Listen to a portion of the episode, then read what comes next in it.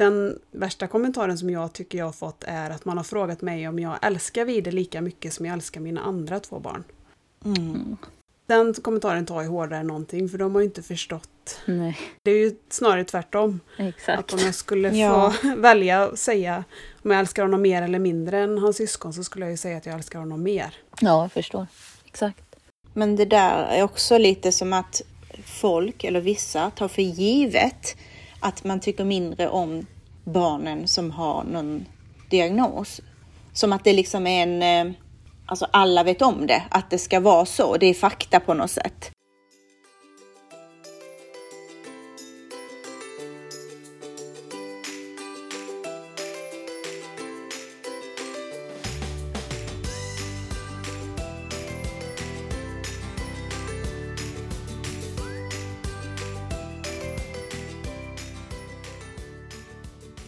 Vi har kommit fram till det 21 avsnittet av Nordlyckans podd. Och i veckans avsnitt så har jag en dubbelgäst, vilket känns väldigt spännande. Varmt välkomna Stina och Negg. Tack! Tack.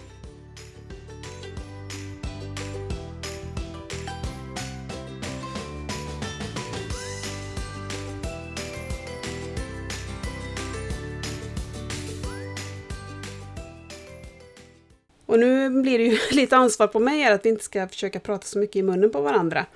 Men eh, jag tänker att du Stina kan få börja och eh, berätta om, om din resa och varför du har hamnat i den här funkisvärlden. Mm, det kan jag göra. Var ska jag ens börja? Jag är ju mamma till tre pojkar. Elvin som är 11 år, Milton är 9 år och så har jag ju Vilgot som är snart tre. Och det är ju Vilgot som gör mig till funkismamma. För han har ju en CP-diagnos som han har fått på grund av en syrebrist vid omkring födseln, strax innan troligen. Och vad innebär det för Vilgot? Han har ju en ganska, ja jag vet inte, en måttlig CP-skada har han väl. Alltså, den påverkar väl hela hans kropp egentligen. De tror att det är en dysgenetisk CP-skada han kommer få, eller en CP-diagnos han kommer få. Men det är inte fastställt än. Men det innebär ju att han har ganska svårt med viljestyrda rörelser och han har ju lite ofrivilliga rörelser och han har ju ganska växlande muskeltonus. Så ibland är han väldigt slapp i kroppen och ibland är han väldigt spänd i kroppen och så. Men han kämpar på och vi också.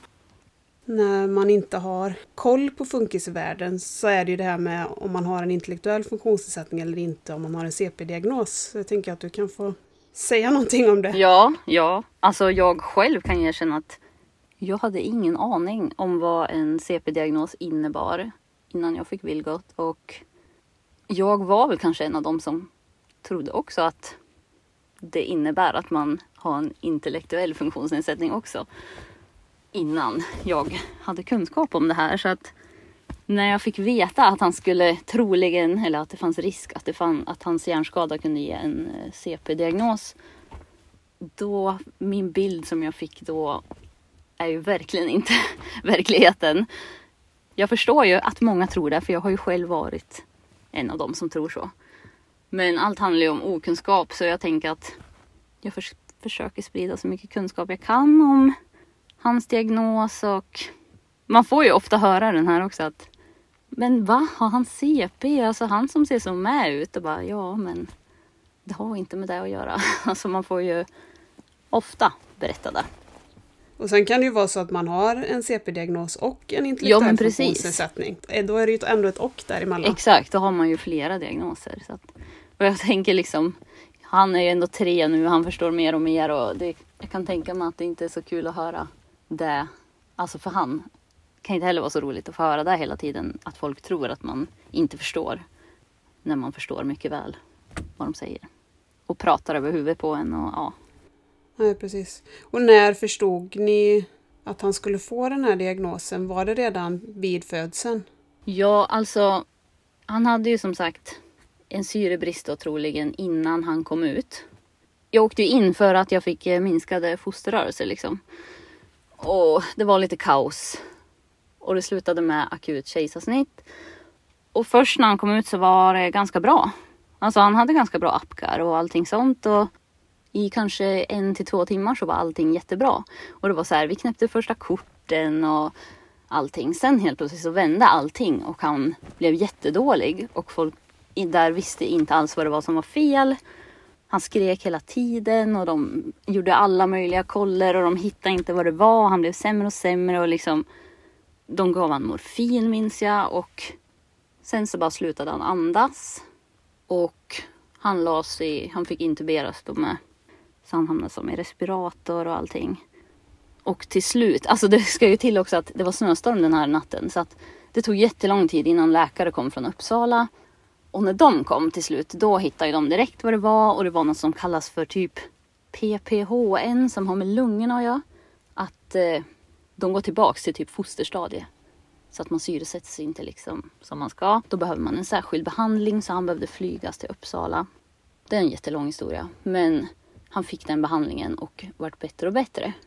Men sen så sa de ju, för han hade en kramp när han föddes, så då sa de ju också att ja, i och med att han haft en kramp så vill vi göra en magnetröntgen på hans huvud. Så vi bara, ja okej.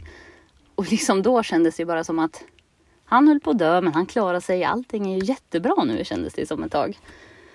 Och sen han var typ kanske tio dagar eller någonting, då fick vi ju beskedet att han hade skador på hjärnan som man får på grund av en syrebrist. Då. Han har troligen haft det innan han kom ut eftersom jag sökte för minskade fosterrörelser och så. Och redan då sa de ju också, eller först sa de inte så mycket, mer än att han har skador på hjärnan och att man vet ingenting om hans framtid. Men då började ju en annan googla på en gång. När man satt där på sjukhuset. Mm. och jag googlade och googlade och jag läste och liksom syrebrist och skador på hjärnan. På en gång kom jag in på CP-diagnos och sen frågade jag dem också, bara, men innebär det här att han kommer få typ en CP-diagnos? Då sa de också att det vet vi ju ingenting om, vi får vänta och se. Och vi väntade och letade efter alla tecken och tänkte att nej, det är nog ingenting. Eller jo, men det kanske är någonting. Sen var det väl kanske när han var fem månader.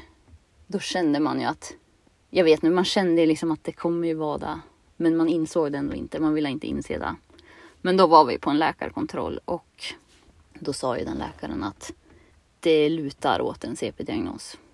Så att han var ju fem månader då. då. Och vilka tecken var det som gjorde att läkaren trodde det? Han hade spända ben, minns jag. Och han var väldigt svag i överkroppen. Alltså han var inte i närheten av att kunna sitta vid fem månader. Men ändå så var den här läkaren lite så här. Jag vet inte om han försökte hålla lite positivt. Han bara, men man vet ju inte. Han kan ju bara vara sen i utvecklingen. La han till också. Så jag bara, okej. Men sen insåg man ju ganska snabbt. Ju, när månaderna gick att det blir ju en CP-diagnos. Och sen när han var åtta månader då minns jag att de skrev in oss på habiliteringen. Och hur kändes det när det var definitivt?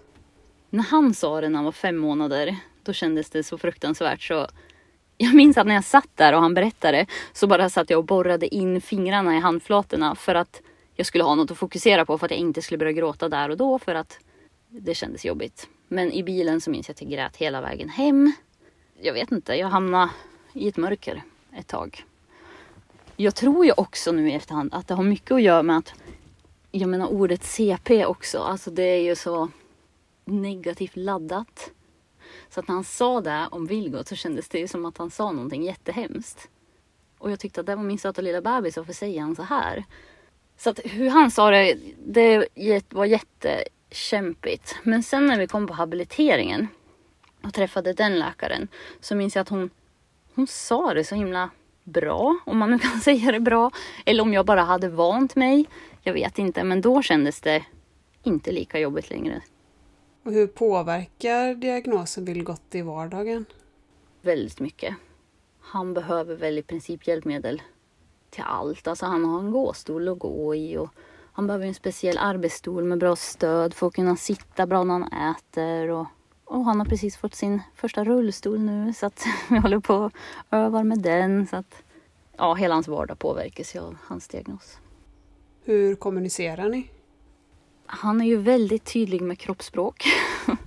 är han. Så det har vi för, han är väldigt, det ser alla som träffar honom, att han är så lätt att förstå för att han är så tydlig i kroppsspråk. Men nu, eh, han kan några tecken, för vi kör ju tecken som stöd. Och sen, han har börjat lära säga ja. Och han kan skaka lite på huvudet och säga nej. Och sen försöker han ju säga ord och vi kämpar med att förstå han. Och han blir väldigt glad när vi förstår han. Vide har ju en talapparat och den talapparaten finns ju även med ögonstyrning. Är det någonting som kommer Ja. aktuellt för Vilgot? Eh, jag har faktiskt pratat med habiliteringen om det ganska nyligen. Och eh, de skulle prata med logopeden som behövde skriva en remiss att vi skulle få det. Och sen har jag inte hört något mer. Men det kan ju bli aktuellt. Och just det, han använder ju också bilder. Både på förskolan och hemma har vi bilder så han kan göra sig förstådd. Och hur påverkar Vilgots funktionsnedsättning resten av familjen? vi försöker ju tänka att den inte ska påverka och att vi försöker göra allt som vi brukar göra innan. Och så. Men alltså det är såklart att det har påverkat allihop på olika sätt. Och hur tar hans brorsor det? Båda har tagit det på helt olika sätt. Den äldsta pojken då, Elvin, han har väl tagit det väldigt bra. Alltså han är jätteförstående och han var tidig med att liksom direkt i skolan, bara någon använde ordet CP, då skulle han liksom tillrättavisa dem och berätta om vad CP är och han har tagit det jättebra. Medan Milton, den mellersta pojken, han har väl haft det lite jobbigare. Och jag vet att han var den som längtade mest att få en lillebror och för han var ju minst innan och han, ja. Det tog väldigt hårt på honom att veta att, att Vilgot hade en CP-skada. Vi väntade med, med att säga det minns jag också för att det kändes så jobbigt att behöva berätta det för dem. Och jag minns att han tog det jättehårt och han var jätteledsen och liksom hans bild var ju att Först trodde han att Vilgot skulle dö så han frågade oss jätteofta i början. Kommer han att dö? Kommer han att dö? Och så bara nej. Det här innebär inte att han kommer dö. Han kommer ha lite svårare med vissa saker och vi kommer ha hjälpmedel så att han kan göra det och det. Och, men det går bättre och bättre och de hittar sätt att leka med han. För det var väl just det. Alltså han tänkte att oj, nu kan inte jag leka med min lillebror för han har en CP-skada. Så han sörjde Nej. jättemycket över det liksom. Och då fick vi liksom alltså hans bild av att leka var väl kanske springa och jaga, säger vi. Men då visste vi att ja, men han har ju en gåstol, ni kan fortfarande springa och jaga varandra. Alltså vi hittar ju, ni hittar ju sätt att leka ändå. Så att nu, tre år in på den här resan, så känns det som att de har tagit det bra. Det tog bara lite längre tid för den ena.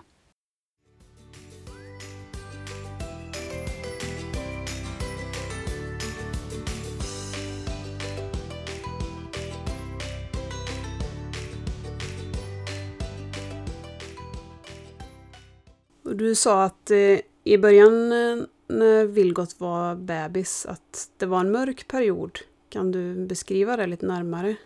Alltså det var ju en väldigt traumatisk förlossning. Alltså hela den resan var väldigt traumatisk. Det kändes som att jag aldrig hann liksom få landa i det för att det var sån kaos hela hans första, jag vet inte, det var nog en månad vi låg på sjukhus nästan. Och efter det när vi kom hem, då började hans kolik som det, de kallade det då.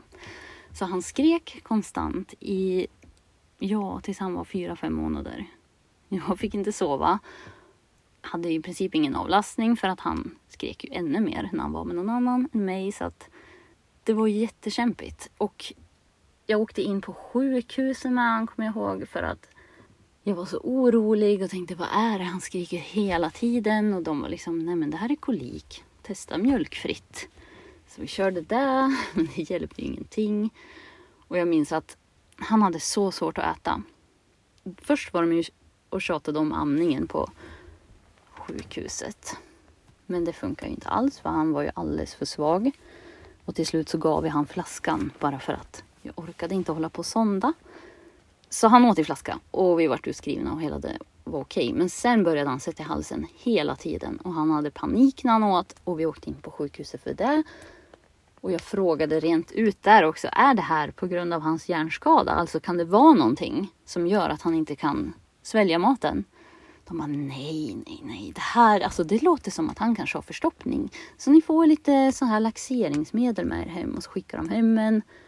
Och allting var bara kaos och jag hann aldrig landa. I efterhand nu så vet jag till exempel att det finns något som heter hjärnskrik. Som barn med, som har fått skador på hjärnan, att de kan ha det här hjärnskriket. Men det var ingen som sa till mig då. Alla sa att det var kolik och att det var magen.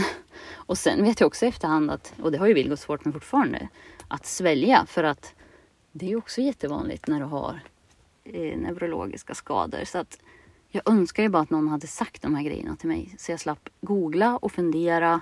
Det är också en hemsk känsla när man inte blir tagen på allvar. Ja men precis. Och bara slår menar, ifrån sig. Och liksom in på akuten ändå är det liksom att nej, det är ingen fara. Åk hem ni.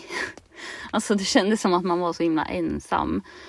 Och sen när han äntligen då lugnade sig tänkte jag säga, eller slutade skrika, då, då var det som att Ja, då var han ju rytt fyra, må fyra månader, så då var det dessutom då vi fick beskedet om att han troligen kommer ha en CP-diagnos. Och då var då allt bara vart ett mörker och jag fick ju depression och jag liksom isolerade mig ganska mycket. Jag ville typ inte berätta för någon. Jag ville inte göra någonting. Jag trodde aldrig livet skulle bli roligt igen. Jag isolerade mig väldigt mycket och när man har börjat isolera sig så är det väldigt svårt att ta sig ut sen igen. Så det var lång tid som det bara var ett mörker. Men sen hittade jag äntligen en massa, massa funkismammor på Instagram.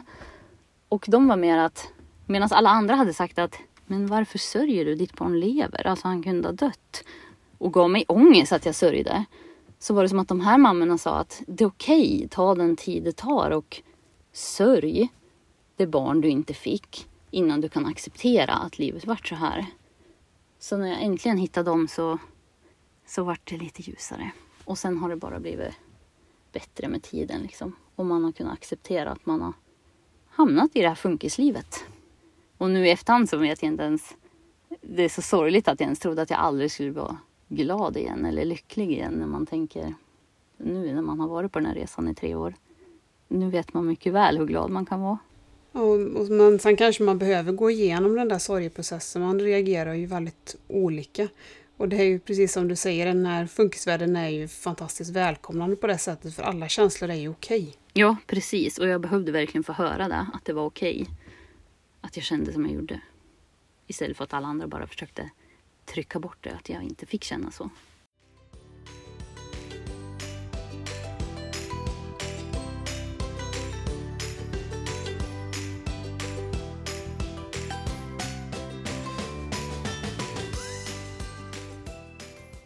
Och Neg, vill du också berätta hur du hamnade i den här funkisvärlden? Min berättelse tror jag kan börja från när jag var liten.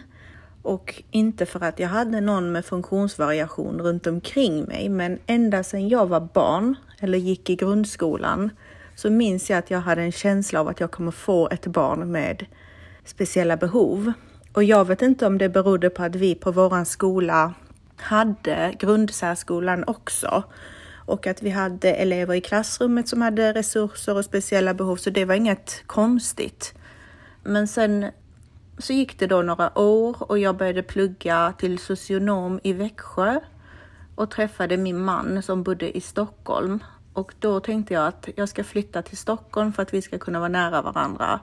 Och när jag sökte till byte av studieort på mina studier, då kom jag bara in på socionomlinjen med inriktning på äldre och funktionshindrade. Och då minns jag att jag tänkte, men vad bra, det här är ju kunskap som jag kommer behöva eftersom jag ska få ett barn med speciella behov. Och jag vet att det låter väldigt flummigt, men det var verkligen, min man kan bekräfta det för jag har sagt det till honom också innan vi fick barn. Men sen så fick vi då Celine och Därefter fick vi då Niro som gör mig till en funkismamma. Vi märkte inte, han, Niro hamnade ju ganska mycket mellan stolarna eftersom det inte var så tydligt vad för typ av diagnos han har. När han föddes så föddes han med någonting som heter kraniesynostos och det finns olika versioner av det. Men Niro hade den som heter metopica och det innebär att hans framfontaneller var slutna. Och ni vet det här hålet som man har uppe i huvudet när barnen föds, det är lite mjukt uppe på skallen. Den hade inte Niro och jag minns att jag reagerade på det och frågade dem och de sa att nej, men det kan vara olika för alla barn och jag kände liksom nej, det är något som inte stämmer. Och jag fick ingen anknytning till honom. Jag vet inte om det var för att det var ganska traumatiskt med kejsarsnittet eller om det bara var att jag kände på mig att det var någonting som inte stämde.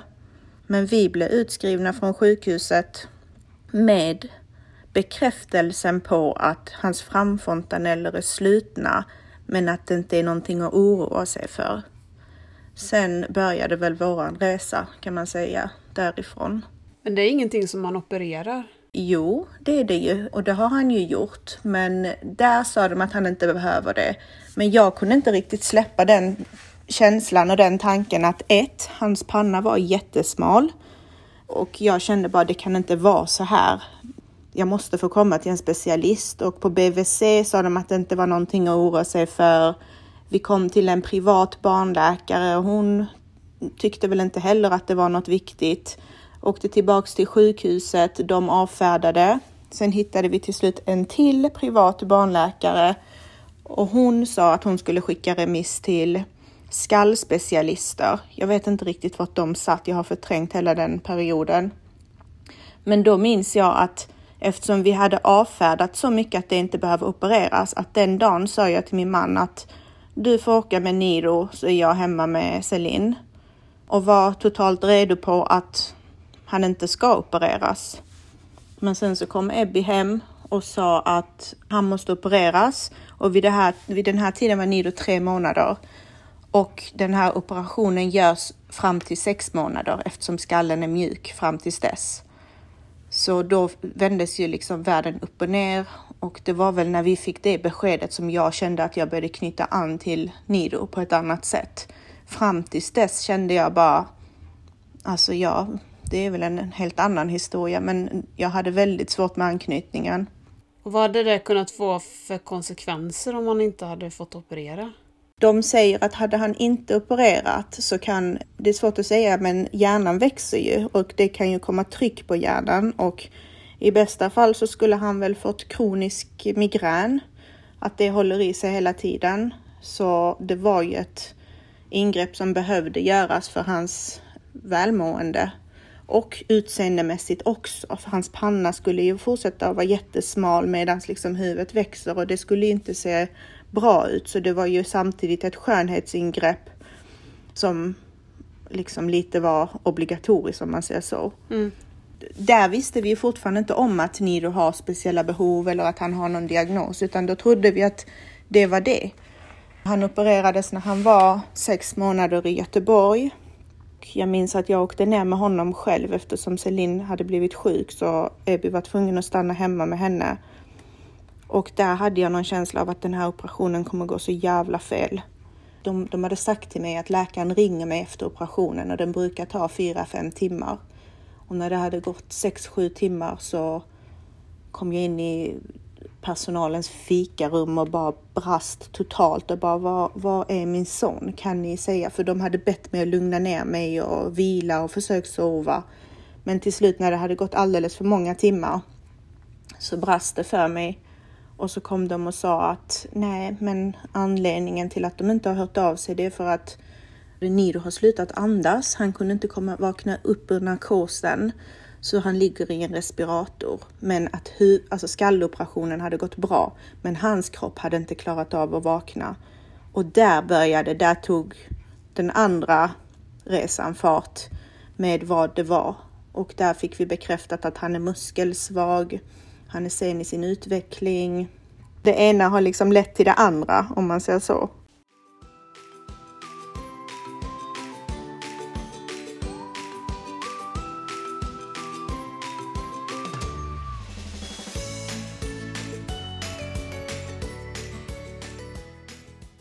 Och blev det en chock för er då? Att han inte vaknade upp och att det fanns andra orsaker till det som ni inte hade förstått innan? Där och då så sa de att det här beror ju på att han har haft lite slem i lungorna så att han har inte kunnat ja, men det var slem i lungorna. Vi fick aldrig någon förklaring vad det skulle innebära.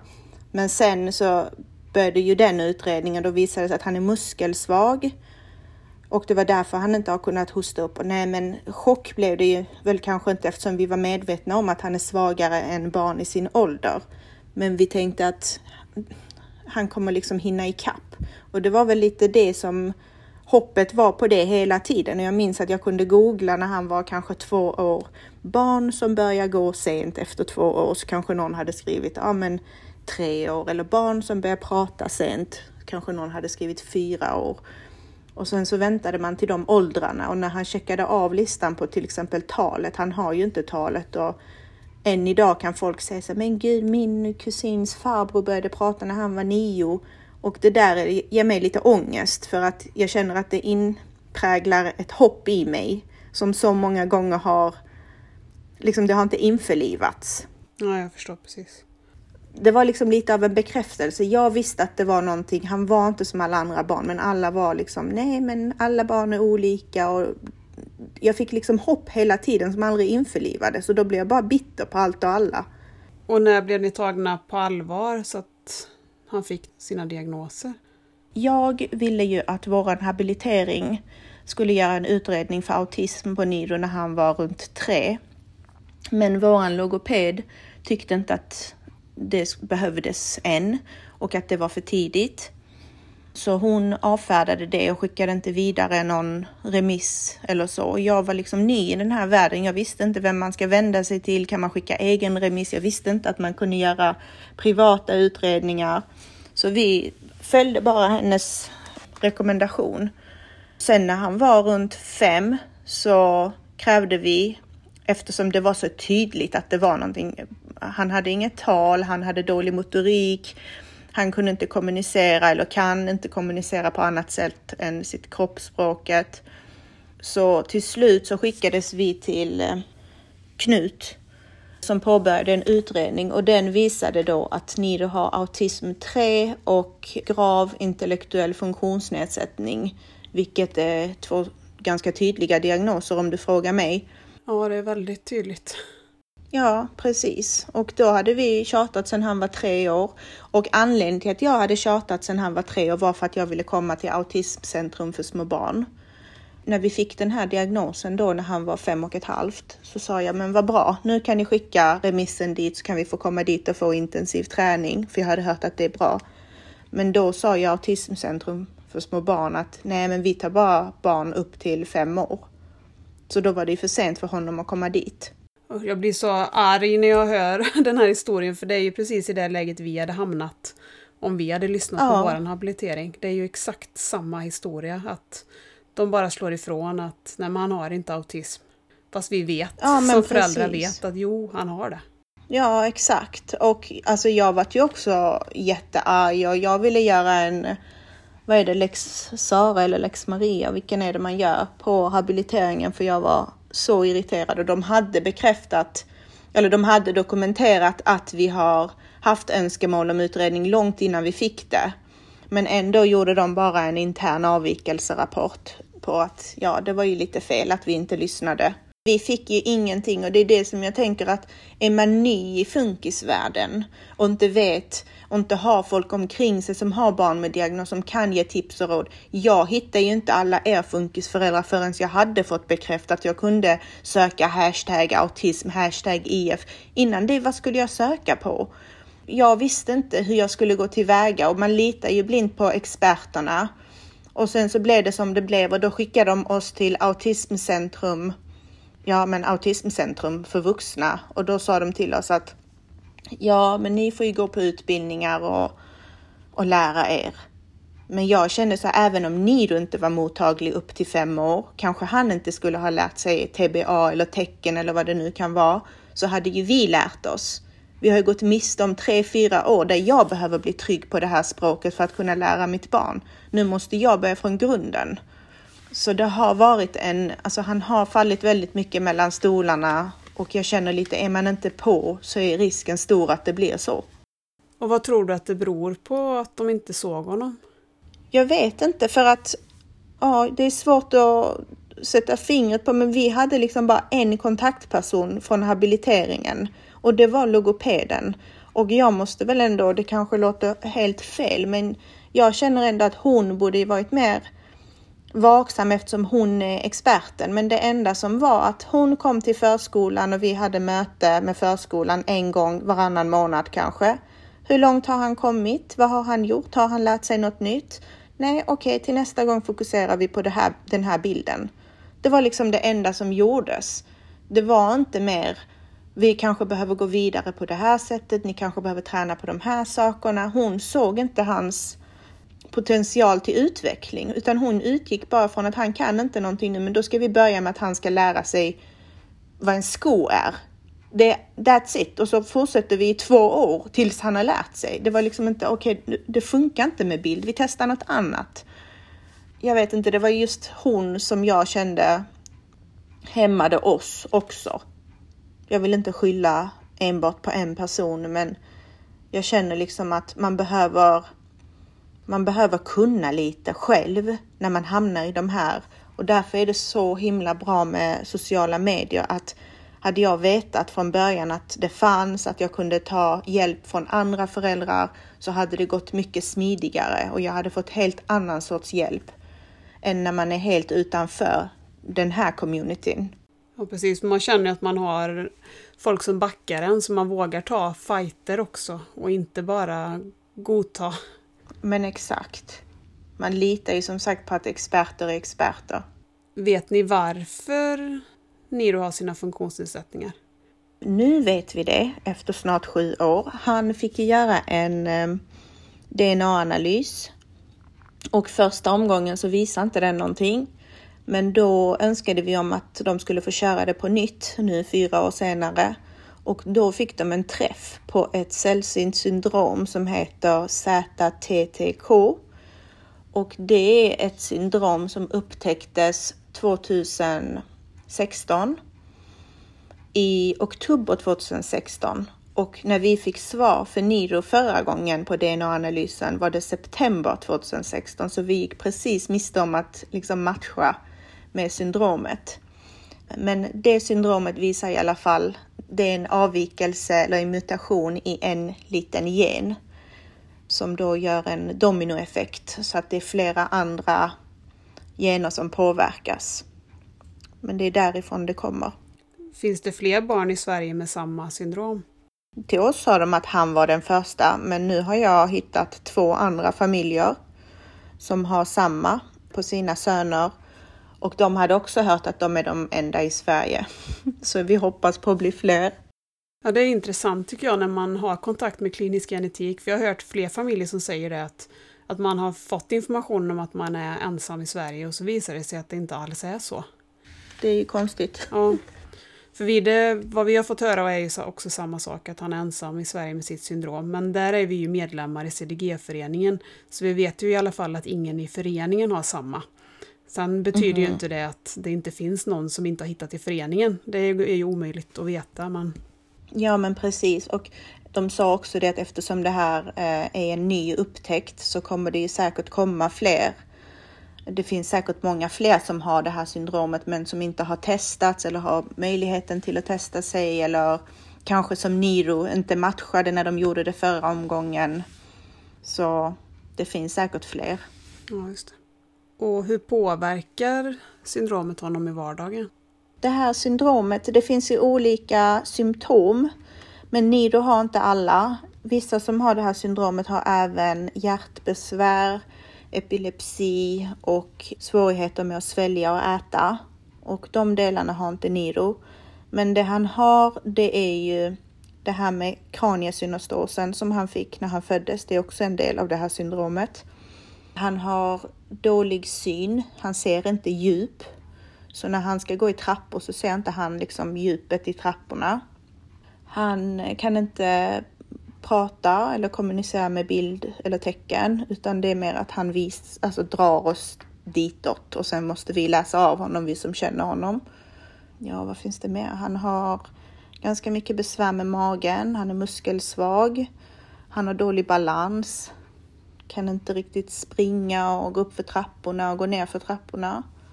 Så det är väl lite på det sättet.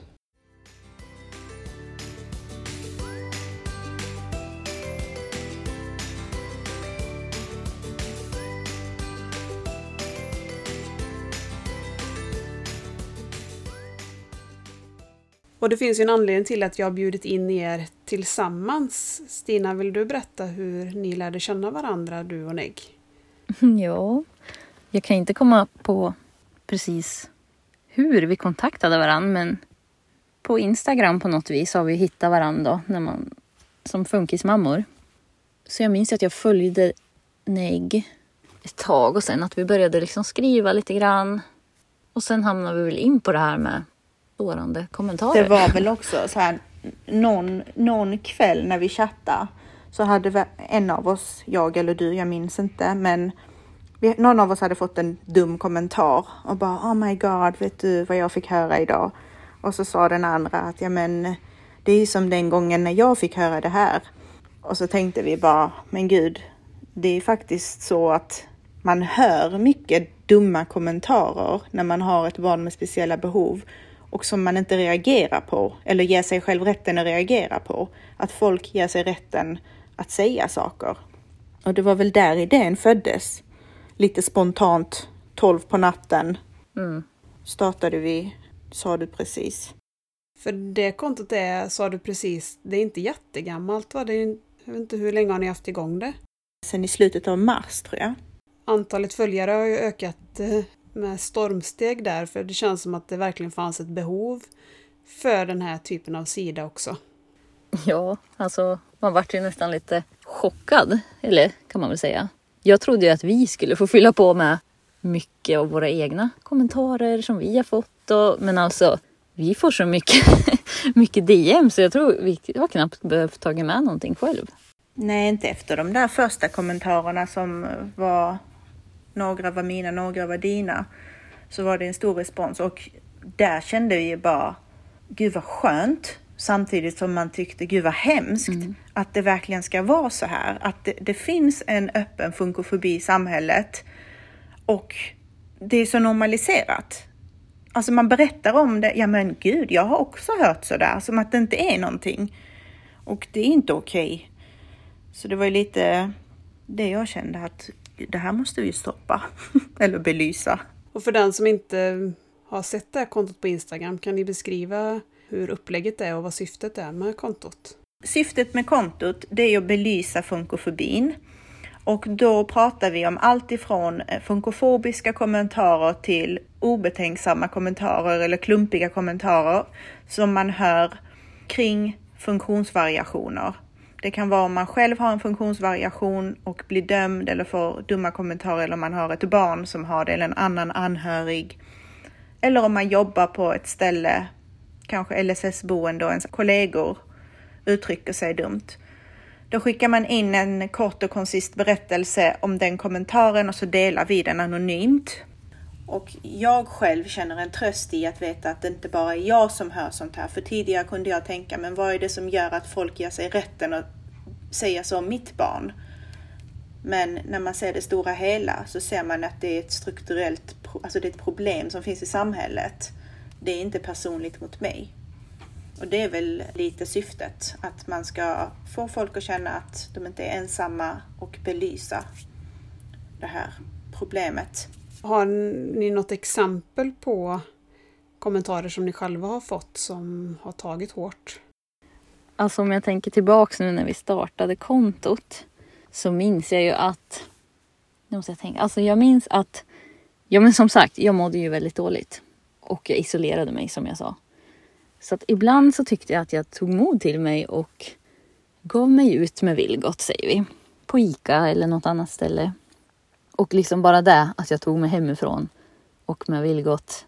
Alltså det var många steg. Och så kommer man ut bland folk och man får höra till exempel att Alltså det här kanske inte låter så sårande för alla, men alltså att folk hela tiden tror att vad trött han är eller sover han? Och liksom bara för att han är så muskelsvag så ser han ju väldigt hängig ut. Och någon säger, men gud, är det någon som är lite hängig idag? Eller, men åh, han fi-. Jag kommer ihåg att vi var på hälsocentralen någon gång och till och med läkare som bara, Åh, här kommer det någon med feber ser jag. Jag bara, eh, nej, vi är inte här för feber. Alltså, han har en CP-skada så att då vart det ju väldigt, vart hon väldigt röd i ansiktet och fick förklara sig. Men alltså, det var mycket sånt som jag tyckte var jättejobbigt.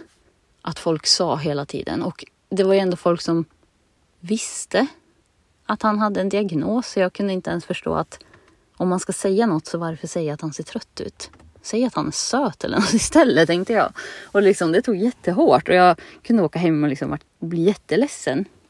Och det var väl det här jag kommer ihåg att vi skrev med varandra om när vi startade kontot. Mm. Men sen, saker som ramlar in på vårt konto. Alltså, jag, kommentarer jag har ju fått är inte ens i närheten av vilka himla kommentarer folk har fått. Ja, jag måste hålla med om att jag också har reagerat mycket när jag fått höra att Nido ser så trött ut. För det är ju ganska oskyldig kommentar från den som säger det, men den sårar ju. Men jag minns någon gång när vi höll på att inreda här hemma och jag velade jättemycket mellan två olika färger till hans rum.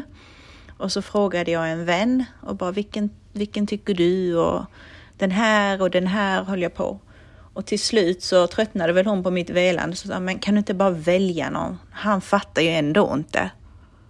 Och då kände jag att det, liksom, det gjorde så ont i hjärtat. Men man, man är ju så mesig så man säger ju ingenting. Ja, ah, jo, men ja, då tar jag väl den blå.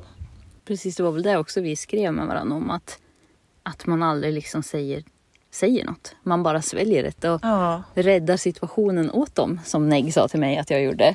Då insåg jag att jag räddar ju en situation som inte ens jag rådde för, att det vart dålig stämning. Men det är ju nästan så man alltid gör. Fortfarande kan jag känna att jag räddar väldigt många situationer. Och jag försöker verkligen anstränga mig till att våga säga ifrån. Och man behöver inte ens vara elak eller oartig. Men jag tror att en bra respons är faktiskt att säga Vad menar du? Eller hur menar du nu? Exakt. För då får de väl förklara. Så kanske man själv har missupp- missuppfattat vad de menade. Vilket jag tvivlar, men det finns ju en chans till förklaring då. Mm. Och sen är det just där att hur, alltså just ordet CP, alltså det är ju så, det vet jag inte hur ofta jag har hört. Det hör jag ju så himla ofta så att det räknar jag inte ens in i de här kommentarerna för det hör jag ju så himla ofta. Och, men det är också jobbigt och i början när man skulle börja våga säga till då, då kändes det jättejobbigt men nu är jag så van så. Jag hade en i min omgivning som sa att höll på att prata om ett annat barn, eller vi höll på att prata om Nido, så hon sa ja men jag känner ett annat barn som har, eller en annan förälder som har ett barn som är mongolid. Och då blev jag väldigt paff. Sa ingenting då heller. Nej, för jag har bara senaste veckan på min egen arbetsplats hört folk använda ordet både mongo och... Eh, vilket ord var det mer nu? kommer jag inte på det bara för det. Vad var det han sa? Det finns ju något skällsord för intellektuell funktionsnedsättning. Inte störd, men eh, något annat sånt. Efterbliven Ja, kanske? precis. Ja. Det var nog det. Och är ju helt vardagliga samtal för att beskriva någonting negativt. Ja, Mm. Men hos mig Precis. så bränner det ju till när någon använder ett sånt ord. exakt. Jag minns också att innan så användes det väldigt mycket runt omkring mig, men nu efter att vi har startat det här kontot så kan ju kanske vänner och bekanta råka säga efterbliven och då blir det direkt, men gud förlåt, förlåt, jag menar inte så. Och jag känner bara så här, det är inte för min skull bara. Visst, respektera mig och säg inte sånt i min närhet, men också annars. Det ska, syftet är inte att du ska vara rädd för att säga det till mig som har ett barn. Du ska bara inte säga det, det är fel att använda. Och du ska reagera på när andra säger det. Och det har varit en jättestor... Jag blir så glad när mina vänner skriver att de har reagerat när någon annan har sagt det. Och jag tänker att det är ju så vi kan motarbeta detta.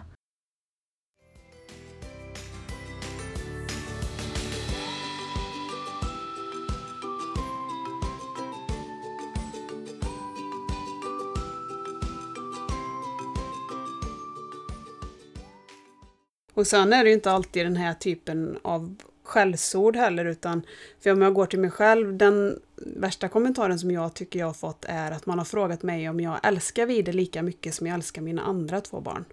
Mm.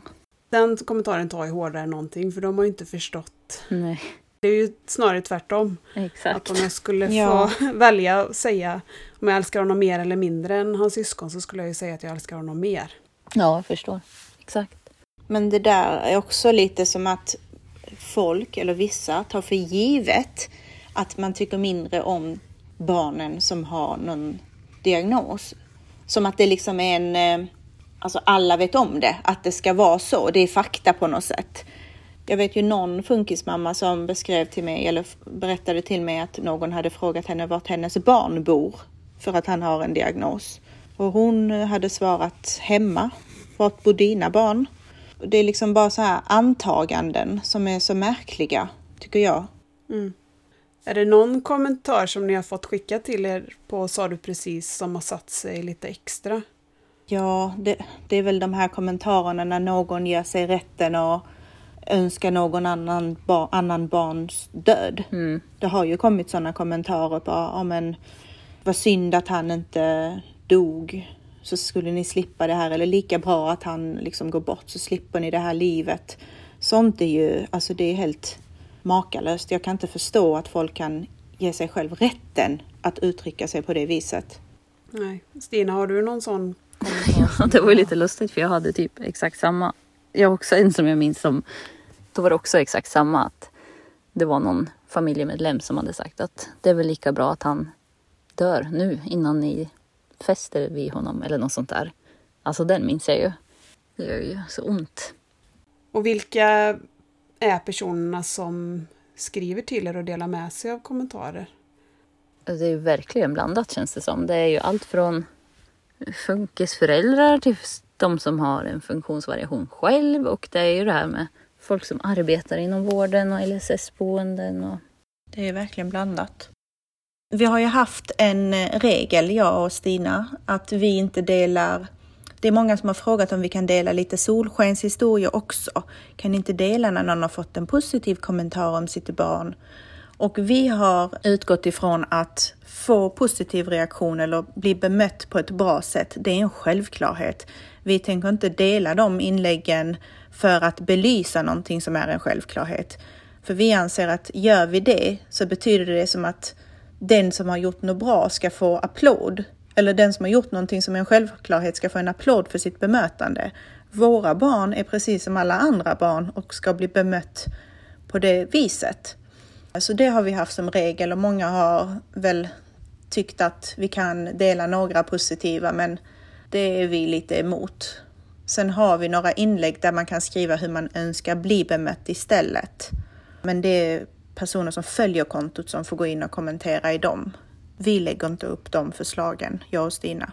Ja, och nu när du sa det här att ni inte ville dela solskenshistorier så jag reagerar nog väldigt eh, starkt, alltså positivt om någon bemöter vid det på ett bra sätt för att man tar inte det som en självklarhet att han ska bli bemött med respekt och att man ska se honom bara för den han är. Så när han blir bemött bara som vide så blir man ju väldigt glad. Det är ju lite sorgligt egentligen. ja, det där känner jag också igen mig. Ja, samma här. Och det är just det vi vill ta bort. Det ska ju vara en självklart. Vi ska ju känna att våra barn blir bemötta bra, vem de än möter. Varför ska de inte bli det? Och det är ju lite därför vi belyser det här, att vi ska stå upp för dem och andra ska stå upp för våra barn när de blir dåligt bemötta. Att det ska bli en norm att bemöta alla bra. Men sen kan jag känna själv, till exempel Nido har en tendens om vi är på McDonalds eller något så kan han gå fram till andras bord och sno pommes frites för att han tycker om pommes frites och inte har någon konsekvenstänk. Och där märker jag hur bemötandet är så viktigt och hur det får mig som mamma att reagera. Om de ler och är, liksom, tycker att han är gullig som tar någon pommes frites, då känner jag att jag kan slappna av och andas. Men annars känner jag att jag måste ursäkta mig. Det känns så hemskt att behöva göra det för sitt barn, att man ska bara ursäkta, han har autism. Samtidigt känns alltså det känns som att man hänger ut sitt barn. Jag vet inte vart jag vill komma, men det är klart att man blir jättebra bemött, eller man blir jätteglad när barnen blir bra bemötta.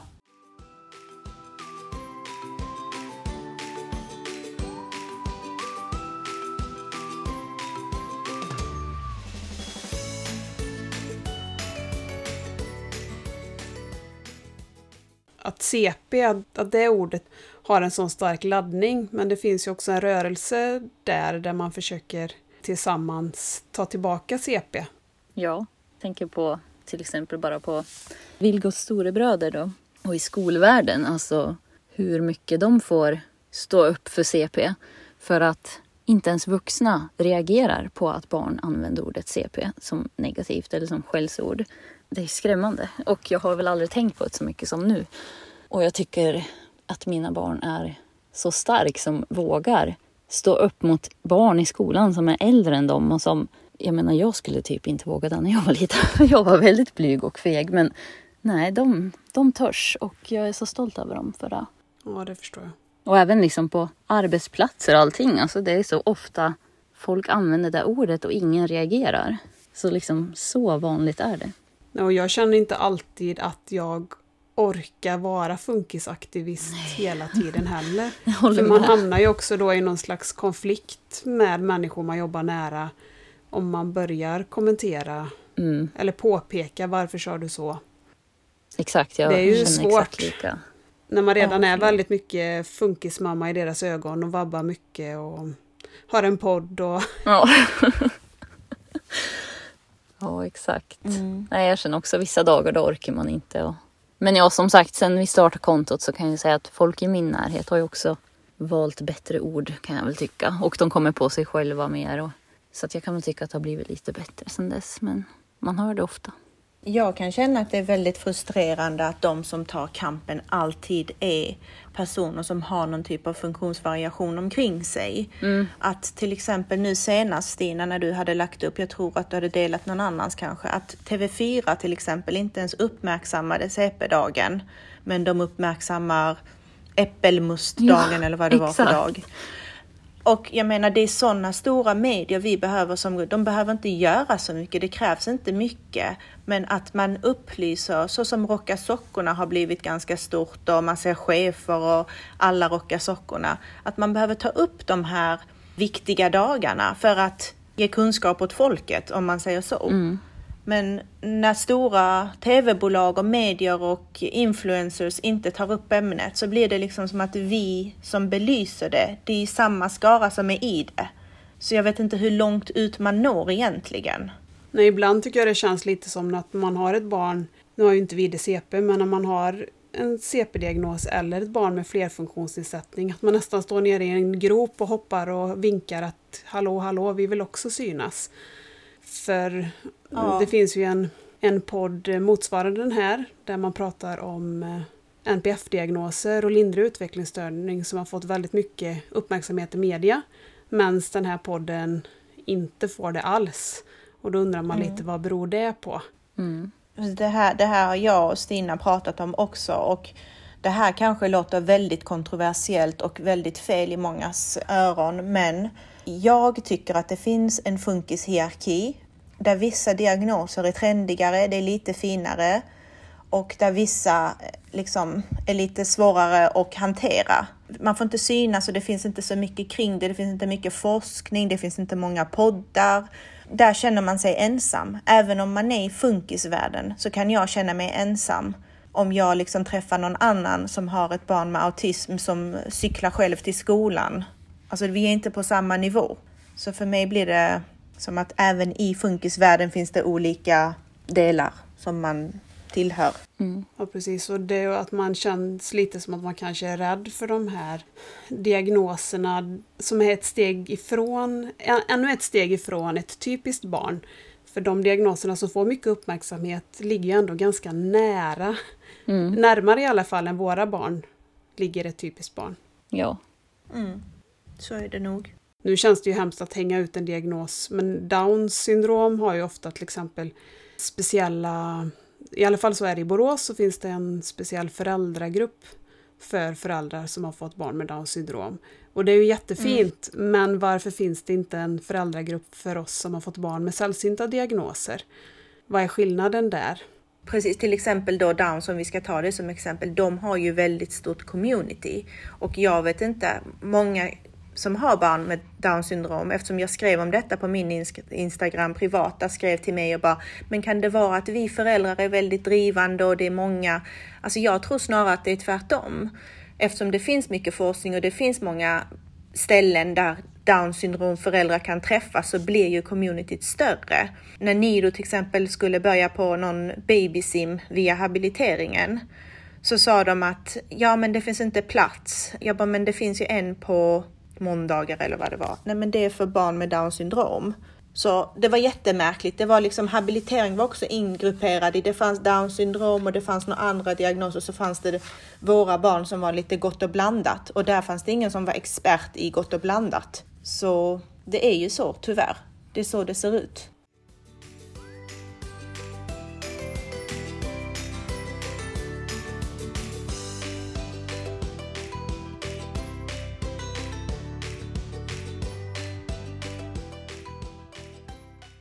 Stina, har du några förebilder gällande den här kampen om att ta tillbaka CP? Jag kommer inte ens på någon nu.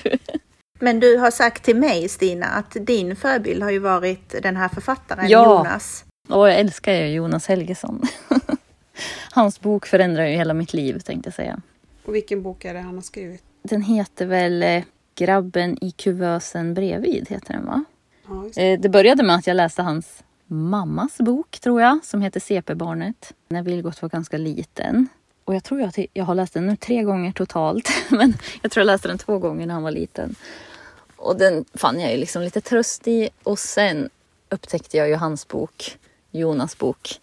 Den förändrar ju allt tänkte jag säga. Den, han gör mig så glad och han har ju precis startat en, en Youtube-kanal också. Så att ja, jag tycker jättemycket om Jonas Helgesson. Och på vilket sätt förändrade den boken? Jo men alltså för det första han är väl ståuppkomiker. Så alltså han, hela boken är ju så himla rolig och hur han beskriver allting och om livet att ha en CP-diagnos på ett sånt sätt han beskriver. Alltså den, man skrattar och man känner igen så mycket grejer med hans... Han berättar liksom någon gång när han sitter på någon picknickfilt med någon tjej och liksom hur han liksom kommer ner men då kan han ju typ inte ta sig upp och när han ska ta en plastmugg så han kan ju inte hålla i saker försiktigt så han bara krossar ihop den där. Och jag och Lars då min sambo, alltså vi skrattar åt det där för att det är ju Vilgot. Alltså vi ser ju typ Vilgot i de här berättelserna. Och sen tipsar jag någon annan person om den här, eller jag tipsar typ alla människor om den här boken. Och den människan såg inte alls boken rolig utan de tyck, tyckte att det var sorgligt. Och då blev jag att, jaha, man kanske måste leva i det här för att förstå det roliga i den här boken.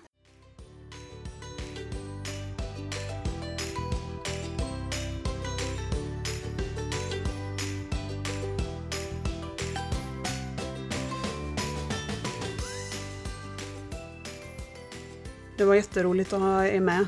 Tack så jättemycket Tack för att vi fick vara Ja, med. tack själv. Ha det så bra. Detsamma. Detsamma. Hejdå. Hej då. Om ni blev nyfikna på Neg och Stina och vill fortsätta att följa dem så har de båda två konton på Instagram.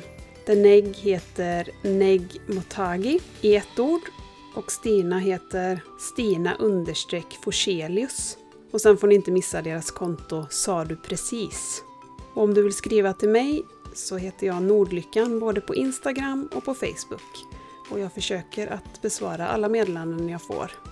Och om du vill höra mer av Nordlyckans podd så får du inte glömma att prenumerera på podden. Och om du gillar det som du hör så får du gärna betygsätta och kommentera under veckans avsnitt. Så hörs vi igen nästa måndag. Tack så mycket för att ni har lyssnat. Puss och kram!